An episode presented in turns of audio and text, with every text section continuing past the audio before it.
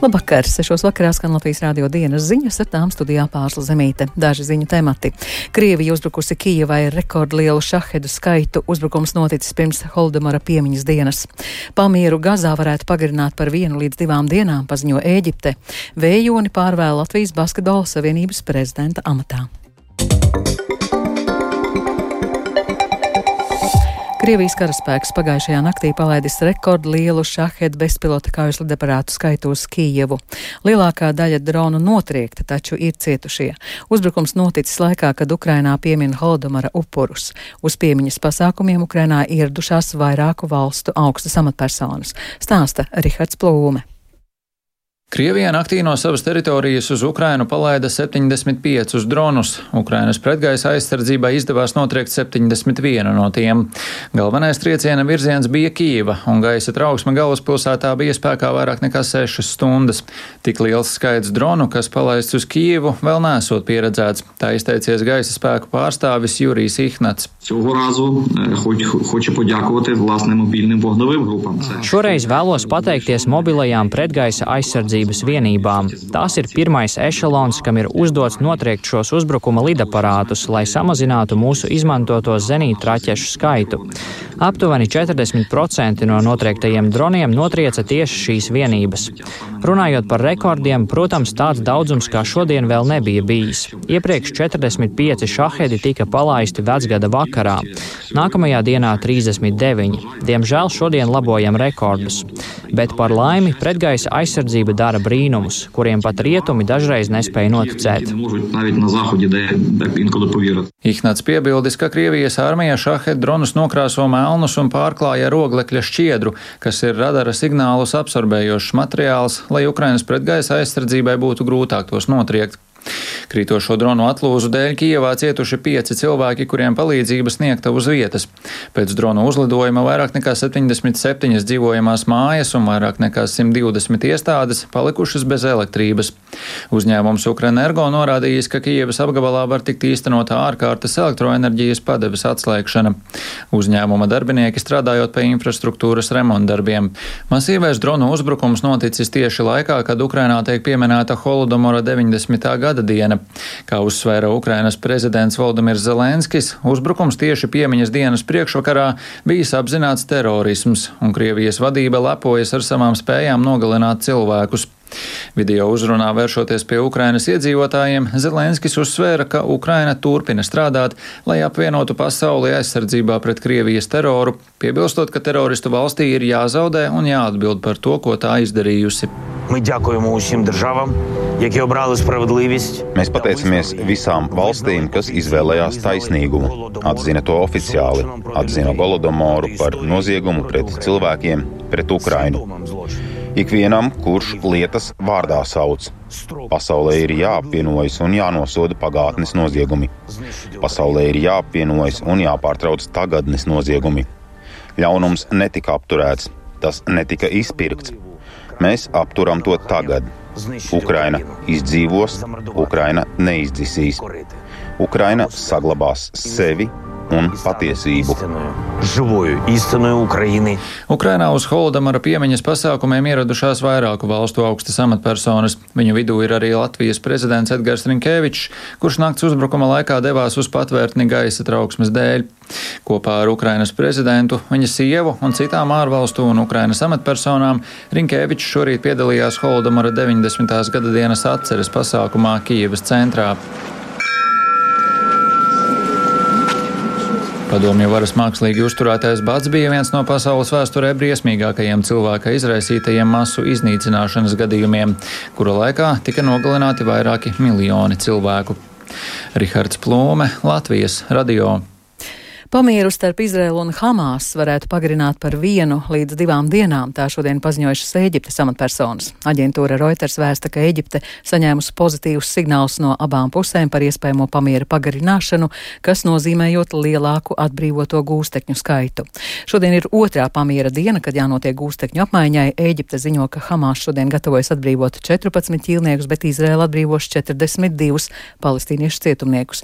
Pirmajā pamiera dienā Hamās atbrīvoja 24 ķīlniekus, no kuriem daļa atbrīvota ārpus pamiera vienošanās. Savukārt Izraela atbrīvoja no cietumiem 39 sievietes un bērnus. Izraels premjerministrs Benjamins Netanjahu atkārtoti uzsvērs, ka turpinās darbu pie tā, lai no Gazas joslas atgrieztu visus ķīlniekus. השלמנו עכשיו את החזרת ראשוני חטופינו. ילדים, האימהות שלהם. Tagad esam pabeiguši mūsu pirmo nolaupīto bērnu, viņu māšu un citu sieviešu atgriešanu. Taču es uzsveru jums, ģimenēm un jums, Izraels pilsoņiem, mēs esam apņēmušies atgriezt visus mūsu nolaupītos cilvēkus. Tas ir viens no kara mērķiem, un mēs esam apņēmušies sasniegt visus kara mērķus.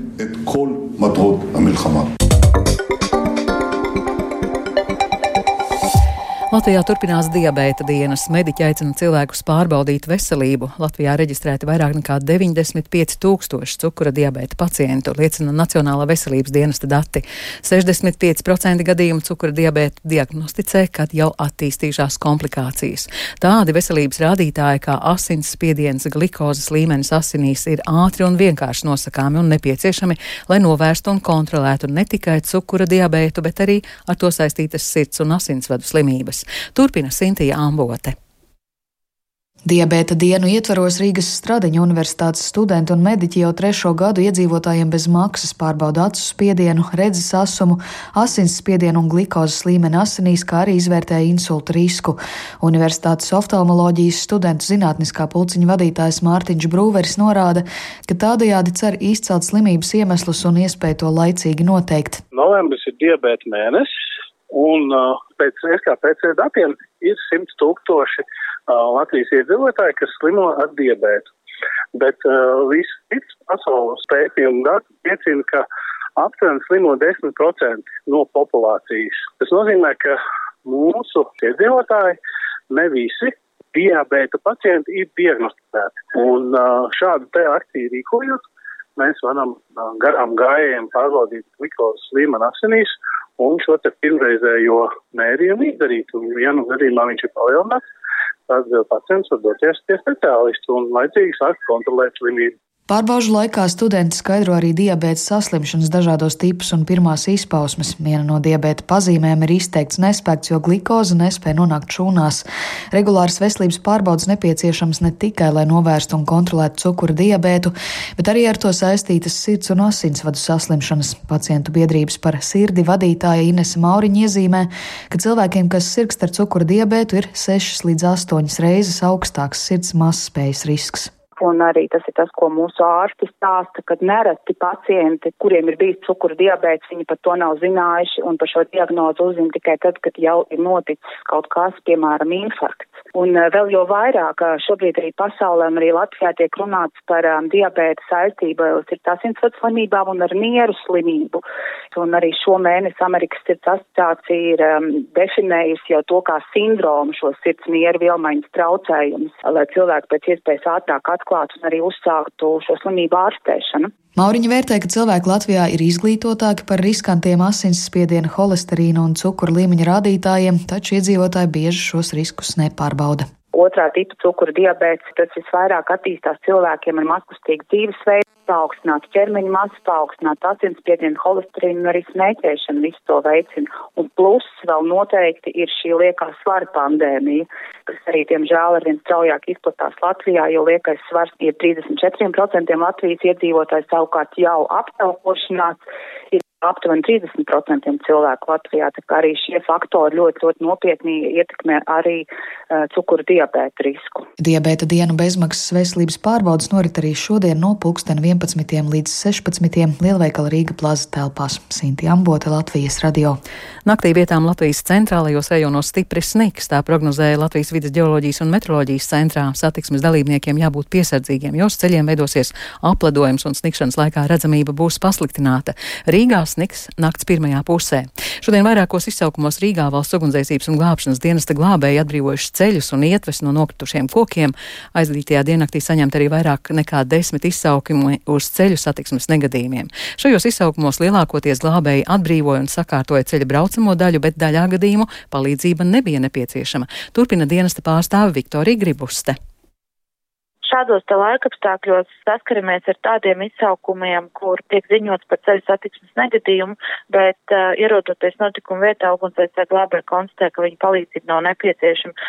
Automašīna ir noslīdējusi no ceļa braucamās daļas, cilvēki visbiežāk pie šīs automašīnas vairs nav, noplūdes nav no automašīnas, tā nedomā. Visticamāk, ka vienkārši tiek organizēts auto evakuātoru pakalpojums.